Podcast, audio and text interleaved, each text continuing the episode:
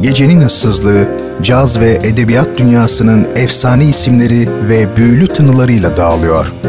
Renkli harmoniler, unutulmaz sesler, tarihe iz bırakmış şairler ve yazarlar. Artık hepsi şehrin en gerçek frekansında. Leyla Ceren Koç'la Caz Bulvarı her pazar 23'te 93.5 Radyo Gerçek'te.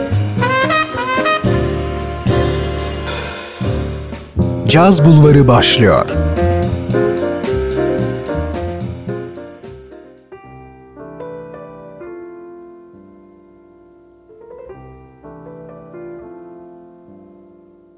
Şehri caz ve edebiyatla buluşturan program Caz Bulvarı'ndan herkese merhaba sevgili dinleyenler. Ben Leyla Ceren Koç'la birlikte her pazar gecesi olduğu gibi bu gecede 93.5 frekansında sizlerle bir başka efsanenin hayatını paylaşmak üzereyim. Bu hafta yine edebiyat üzerinden devam edeceğiz ve 20. yüzyılda da eserlerini üretmiş ancak aslen 21. yüzyılda gerçek anlamda keşfedilebilen, anlaşılabilmiş en önemli Türk yazarlardan Oğuz Atay'dan bahsedeceğiz bu gece. Geceyi insanın düşünü, ruhunu açan bu değerli adama ayırdık ve vakit kaybetmeden başlıyoruz. Caz Bulvarı başlıyor. Hoş geldiniz.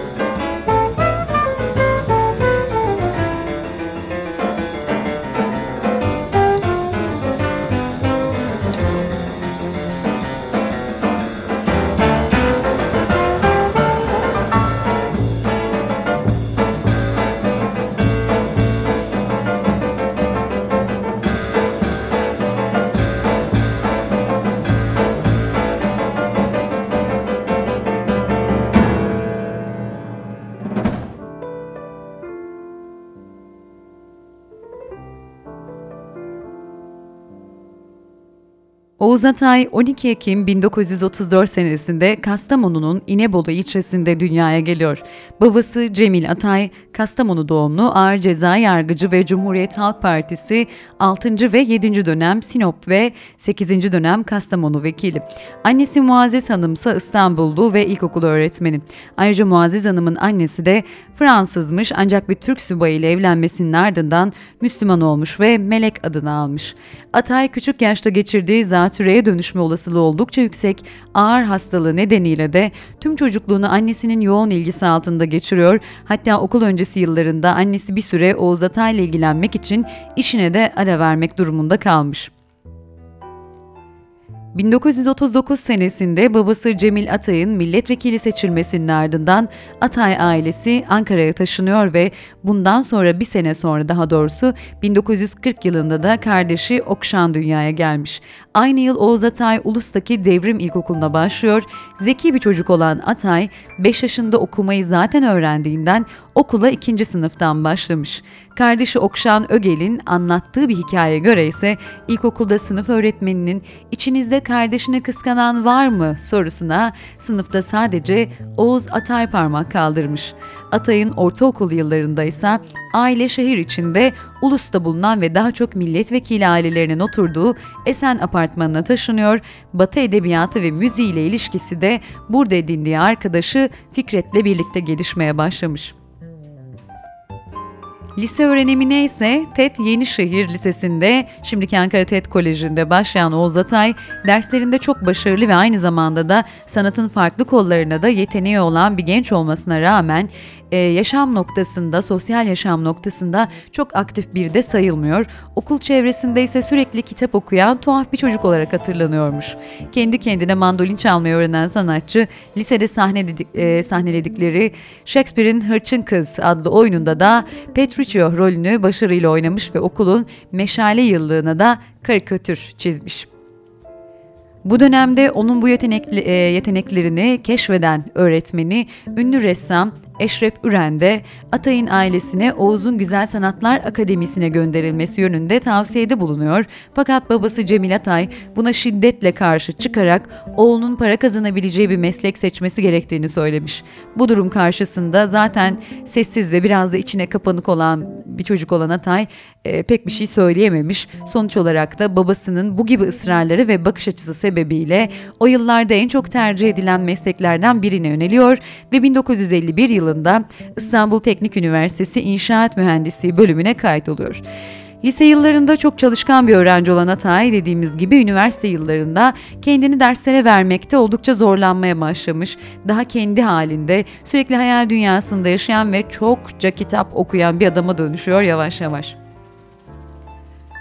Bu yıllarda bir dönem yoğun şekilde atletizmle de ilgilenen yazar, yaşadığı sağlık sorunları nedeniyle de spora da ne yazık ki devam edememiş. Oğuz Atay 1950'li yılların sonlarından 1960'ların ortalarına kadar da aktif olarak sol hareket içerisinde yer alıyor ve üniversite yıllarında tanıştığı Yasin Demirsoy, Turgut Yavuzalp, Ural Özyol, Orhan Şahinler, Uğur Ünel, Turhan Türkel gibi isimlerle de uzun süreli dostlukları oluyor. Ancak ileriki bir zamanda Ural Özyol'un kendisini e, Rumeli Hisarı'ndan atarak intihar etmesi Oğuz Atay'ı hayati e, bir duruma sokuyor ve tüm ömrü boyunca da bundan etkilenmiş tabii ve tutunamayanlardaki Selim karakterinin ortaya çıkması noktasında da büyük tetikleyici bir rol oynamış bu durum. Bu arada tüm kafa dağınıklığına rağmen 1957 yılında okulundan mezun olan yazar ailesinin evinden de ayrılıyor ve Orhan Şahiner'le birlikte ev arkadaşlığına başlıyor. Şahiner ise onu Uğur Günel'le, Günel ise Atay'ın ilk iki romanını ithaf edeceği Sevin Seydisi'yle tanıştırıyor onu. Şimdi değerli caz bulvarı severler kısa bir mola vereceğiz. Kulağımızı güzel tınlara çevireceğiz. Ardından Atay'ın yaşamına devam.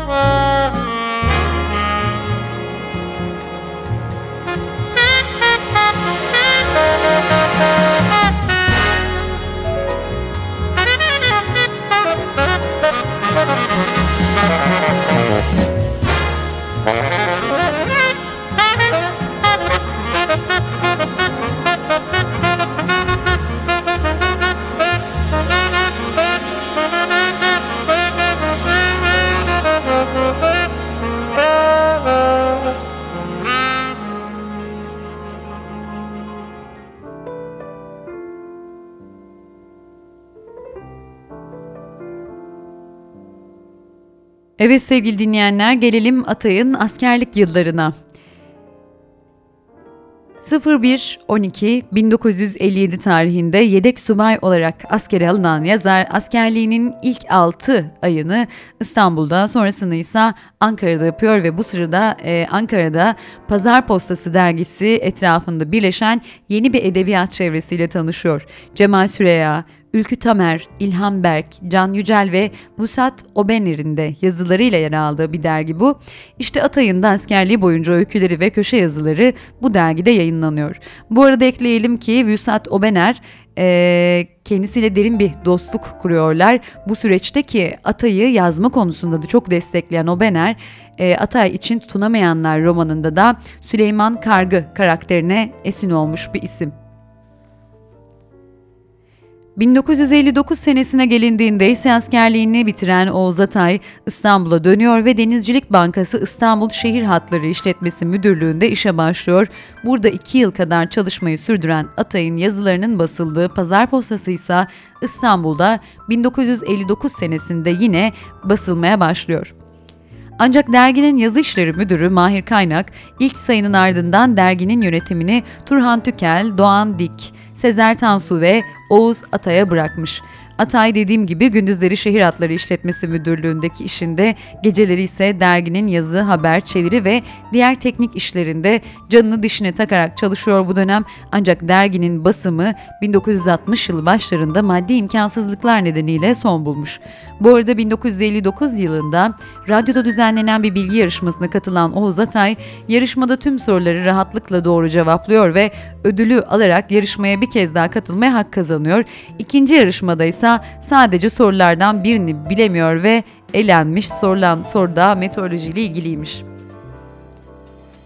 1960 yılına geldiğimizde ise Atay bugün Yıldız Teknik Üniversitesi olarak bilinen İstanbul Devlet Mühendislik ve Mimarlık Akademisi'nde inşaat asistanı olarak çalışmaya başlamış. 1960 darbesinin hemen ardındansa yazarın ikinci dergi deneyimi Turhan Tükel ile birlikte çıkarmaya çalıştığı Olaylar dergisi oluyor. Kemal Tahir'in de desteğini e, bu dergiye verdiğini belirtelim. Ancak yine de başarılı olamıyorlar ve dergi işindeki talihsizlikler, ekibin bir türlü organize olamaması ve maddi sıkıntılar nedeniyle yine bu çalışmada son buluyor. Dergi çıkarma çalışmaları konusunda yaşanan başarısızlıklar elbette ki Atay'ı etkilemiş ve ilk romanı tutunamayanlarda aydın çevrelerinde gördüğü yolsuzluğu ve çarpıklığı ifşa etmiş diyebiliriz. Bu arada tüm bunlar olurken 1961 senesinde de Fikriye Gürbüz'le evlendiğini ve bir yıl sonrasında da kızları Özge'nin doğduğunu da ekleyelim. Bir ailesinin ve kızının olmasıysa Atay'ı tabii ki başka bir noktaya çekiyor. Yine kızının doğumundan bir yıl, e, bir yıl sonra Denizcilik Bankası'ndaki işinden ayrılan yazar, arkadaşı Uğur Gürel ile birlikte Betoner adında bir inşaat şirketi kurarak daha düzenli ve refah içinde bir hayat yaşamayı hedeflemiş. Hayatının bu yılları tamamen mantık üzerinden ilerleyen yazarın ne yazık ki bu çabaları çok sürmüyor ve 1967 senesine gelindiğinde hem Fikriye Hanım'la yolları ayrılıyor hem de betoner firması büyük borçlar altında batıyor.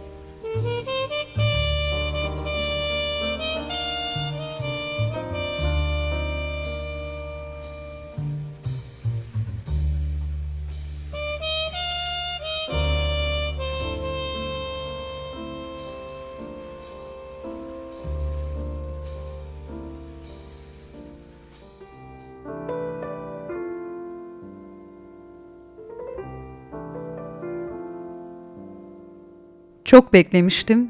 Hayatımın başı ve sonu belliydi. Hiç olmazsa ortasını kaçırmamalıydım. Evet sevgili dinleyenler, Radyo Gerçek Frekansı'nda ben Leyla Ceren Koç'la birliktesiniz ve Caz Bulvarı'ndasınız ve Oğuz Atay'dan bahsediyoruz. Boşanmasının ve firmasının batmasının ardından Atay'ın hayatının bir başka sayfası açılıyor. Zorlu bir süreç geçiren yazar bu dönemde hayatını sürdürmek için şimdiki adıyla Yıldız Teknik Üniversitesi'nde öğretim görevlisi olarak çalışmaya başlıyor. İşte aynı dönemde zihninde roman kurgulama süreci de başlıyor yazarın. Bu döneminde ise ona en çok destek veren ve aynı zamanda da sevgilisi olan, evlenmeseler bile ona hayat arkadaşlığı yapan, tutunamayanlar romanını yazması için teşvik eden ve kitabın ilk baskısının kapağını çizen ressam Sevin Seydi, Atay'ın hayatında bambaşka bir perde açmış. Birkaç yıl içerisinde birlikte yaşadıkları o evde kitabını tamamlayan Atay'ın Seydi ile ilişkileri ise Sevin Seydi'nin Londra'da yaşamaya karar vermesiyle son buluyor. Bu süreçte Atay da kitabın yayınlanması için yayın evi arayışına giriyor tabi ancak hiç kolay bir süreç geçirmiyor ne yazık ki. Profesör Doktor Yıldız Ecevit'in söylediği gibi Oğuz Atay, Türk aydınının iç dünyasını karışık bir yapı içinde ironik parodik bir anlatım tutumuyla ve bilinç akımı, iç monolog ve montaj teknikleriyle gözler önüne sermiştir bu eserde ve o dönemde toplumsal sorunların ele alındığı romanların yanında Oğuz Atay'ın bu muhteşem yaratısı anlaşılmamış diyebiliriz. Bu yüzden de eserlerini yayınlayacak bir yayın evi bulmakta oldukça zorlanmış. İçerik yönünden yepyeni bir eser olan Tutunamayanlar e, yayıncıları biraz korkutuyor tabii ve 1970'te de bugün olduğu gibi insanlar mesafeli yaklaşıyor. Öncelikle sayfa sayısı tabii ki önyargı oluşturmuş. 663 sayfa bir eser çünkü maliyeti yüksek, okuması güç. Bu yüzden editörler bile okumak istemiyorlar kitabı. Ancak kitabı basan bir isim oluyor. Bu arada sevgili Caz Bulvarı dinleyenleri ben bu haftaki bu yayını yaparken e, Masa dergisinden oldukça faydalandım. Çünkü dosya sayıları dediğim gibi Oğuz Atay'dı. O yüzden e, dergiyi kesinlikle size öneriyorum. Ve çok güzel bir e, hem anı hem de Oğuz Atay'ın Tutunamayanlar kitabının basım süreciyle ilgili bir yazı da var. İçerisinde Hayati asıl yazıcıya ait. Orayı size e, paylaşmak istiyorum. Çünkü yayıncı olarak beğenmeyenlerin e, bu kitabı beğenmedikleri bu kitap daha doğrusu yayıncıların Hayati Asıl Yazıcı tarafından kesinlikle çok beğen, beğenilmiş ve kitabı basan isim olmuş kendisi. O yüzden şimdi onun ağzından bu sürecin bir kısmını anlatmak istiyorum dergiden alıntı yaparak. Şöyle diyor Hayati Asıl Yazıcı. Yayıncı olarak beğenmeyenlerin hangi yayın evleri olduğunu sordum. Anlattı uzun uzun bu kalabalık listeyi. Biraz aşağıda Ankara Caddesi üzerinde Remzi ve İnkılap Kitabevi vardı. Remzi Kitabevi'nin kurucusu Remzi Bengi o yıllarda yöneticiliğini de yapıyordu ama Remzi Yayın Evi'nin danışmanlığını Fakir Baykurt yapıyordu. Tek seçici oydu. Sevdiğim bir yazardı Fakir Baykurt. Ne var ki tutunamayanların yayımlanmasını uygun bulmamıştı. Biraz aşağıda İnkılap Kitabevi de yayımlamaya değer görmemişti. Yeri gelmişken hepsini söyleyeyim, Bilgi Yayın Evi de geri çevirmişti. Atilla İlhan'dı bu kararı veren. Oğuz Akkan'ın Cem Yayın Evi'nde yayına almayanlar arasındaydı. Sander yayınlarının kurucusu ve sahibi Necdet Sander'di. Ülkemize çok güzel çeviriler kazandıran aydın biriydi. Yayın alanında o dönemin önde gelenlerindendi, o da reddetmişti. Bunları yazıyorum çünkü hiç kimsenin etkisinde kalmadan kitabı ve Oğuz Atay'ı bulup tutunamayanları yayımlama kararını kendim vermiştim diyor Hayati Bey. Romanı Sevin Seydi'nin hazırladığı kabak, e, kapak çizimiyle 3000 adet bastım. O yıllar için oldukça yüksek bir adetti ama ne var ki hiç ilgi görmedi. O zamanlar İstanbul'da belirli kitap evleri vardı. Oğuz Atay çok titiz ve disiplinli biriydi. Takip ediyordu tüm kitap evlerini tek tek kitabın satışını her gün soruyordu. Ama okuyup hakkında yazı yazan gazeteci ve eleştirmenlerin sayısı da çok azdı. Anlaşılması için belli ki uzun bir zamana ihtiyacı vardı. Oğuz'un bir kitap daha hazırladığını biliyordum. Ona bu romanı da e, basmak istiyorum dedim. Basacak mısın gerçekten dedi. İnanamadı. Evet dedim. Ben iki romanı Türk edebiyatına armağan etmek istiyorum. Biçim ve içerik yönünden farklılığıyla kendini hemen belli eden romanlardı. Şimdi tatmayabilirdi. Bu dünyanın birçok edebiyatçısının başına gelmiş bir olaydır. Bu iki romanda Türk edebiyatında hak ettiği yeri alacaktı. Ben buna inanıyordum ve bugün sonuç ortada. 20. yüzyılın yazarı olamadı ama 21. yüzyılın en önemli yazarlarından biri oldu kendisi diyor Hayati Asıl Yazıcı. Evet sevgili dinleyenler işte Sinan yayınlarının yayın yönetmeni Hayati Bey kendisini arayana kadar Oğuz Atay gerçekten çok korkunç hikayeler biriktiriyor. Hatta bir gün e, faaliyette olan o dönem faaliyette olan bir yayın evinin e, sahibi romanı reddettikten sonra yakın çevresine Oğuz Atay'ın ruh hastası olup olmadığını bile ciddi ciddi soruyor. Bu gerçekten bilinen ve duyulan bir şey. Ve Oğuz Atay e, bir yıl boyunca gerçekten tüm yayın evlerinden, büyük yayın evlerinden büyük redler alıyor. 1971 yılında ise ödül kazanmanın eseri yayınlatmasını kolaylaştıracağını düşündüğü için de romanı TRT Roman Ödülü yarışmasına gönderiyor. E, jüri üyeleri katılan tüm romanları okumaya hani üşeniyorlar mı yoksa hepsinin aklında başka biri mi vardı bilinmez ama o dönem 8 roman var ve 8 romanı e, bölüştürülüyor ödül. Çünkü bir birinci seçemiyorlar aralarından ve o dönem o senenin en önemli 8 romanı arasına giriyor tutunamayanlar. Ancak ne yazık ki bu bile eserinin basılmasına yeterli olmuyor Oğuz Atay'ın. Dediğim gibi e, Hayati asıl yazıcı kendisini görüp bulup fark edip arayana kadar.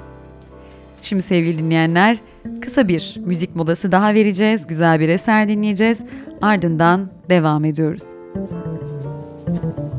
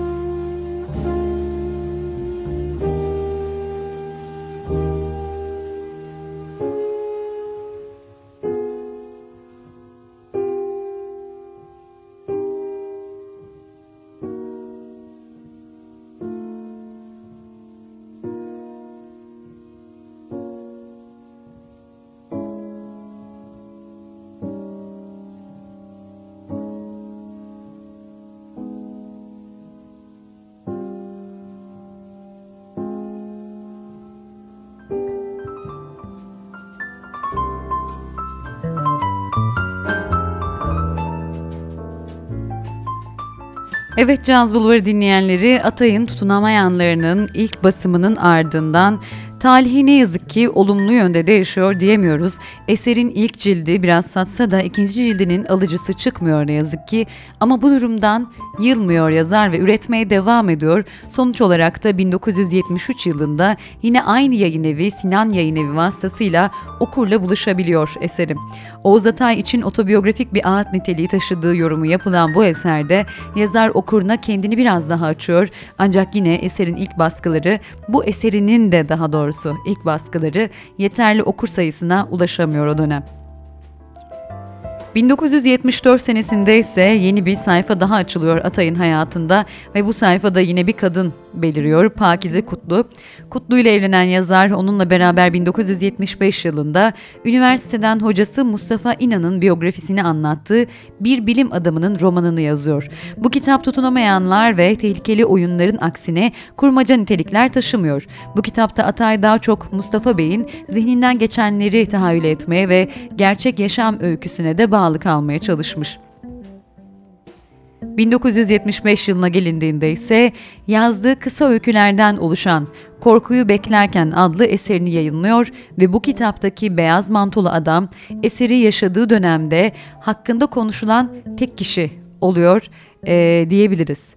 Ertesi sene ise yine kurmaca bir dünya ve oyunlara yer verdiği Oyunlarla Yaşamak adlı bir tiyatro metni yazıyor Atay ve bu eseri de 1979 senesinden itibaren Ankara Devlet Tiyatrosu tarafından sahneleniyor.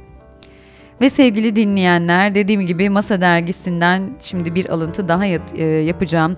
Hem programın hem de Oğuz Atay'ın hayatının sonuna yaklaşıyoruz.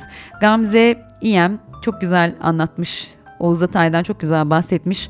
Hayatından da kısaca çok güzel bahsetmiş ve buradan sonrasını ondan bir alıntı yaparak anlatacağım. 1976 sonbaharında şiddetli baş ağrısı sebebiyle hastaneye gidiyor Oğuz Atay ve hiçbir teşhis konulamıyor. Ağrıları devam edince tedavi için Londra'ya gider. O dönemlerde bu tür rahatsızlıkların ülkemizde tespit edilmesi ve tedavisi mümkün değildir. Beyninin iki yanında da tümör tespit edilir. Acil yapılan ameliyatın ardından ışın tedavisi için birkaç ay Londra'da kalıp İstanbul'a döner. Tam bir yıl sonra ağrıları şiddetle yeniden başlar. Tedavi umuduyla yine Londra'ya gider gider ama tekrar ameliyat olmasının çok riskli olduğunu öğrenerek geri dönüyor. O günlerde günlüğüne düşüncem geç gelişti. Biraz geç başladım. Biraz daha erken bırakmak durumunda kalıyorum. Geleceğini kaybetmek yaşanan zamanı da boşaltıyor. Ne yapalım? Henüz biraz ayakta durma gücüm var. Deneyelim. Sonuç almaya çalışalım diye yazar. Sevdikleriyle daha sık zaman geçirmeye çalışarak ölümü bekler gibi geçiyordur günleri. Eşi Pakize Hanım'la birlikte 13 Aralık 1977 günü yakın arkadaşı Altay Gündüz'ün evine ziyarete giderler.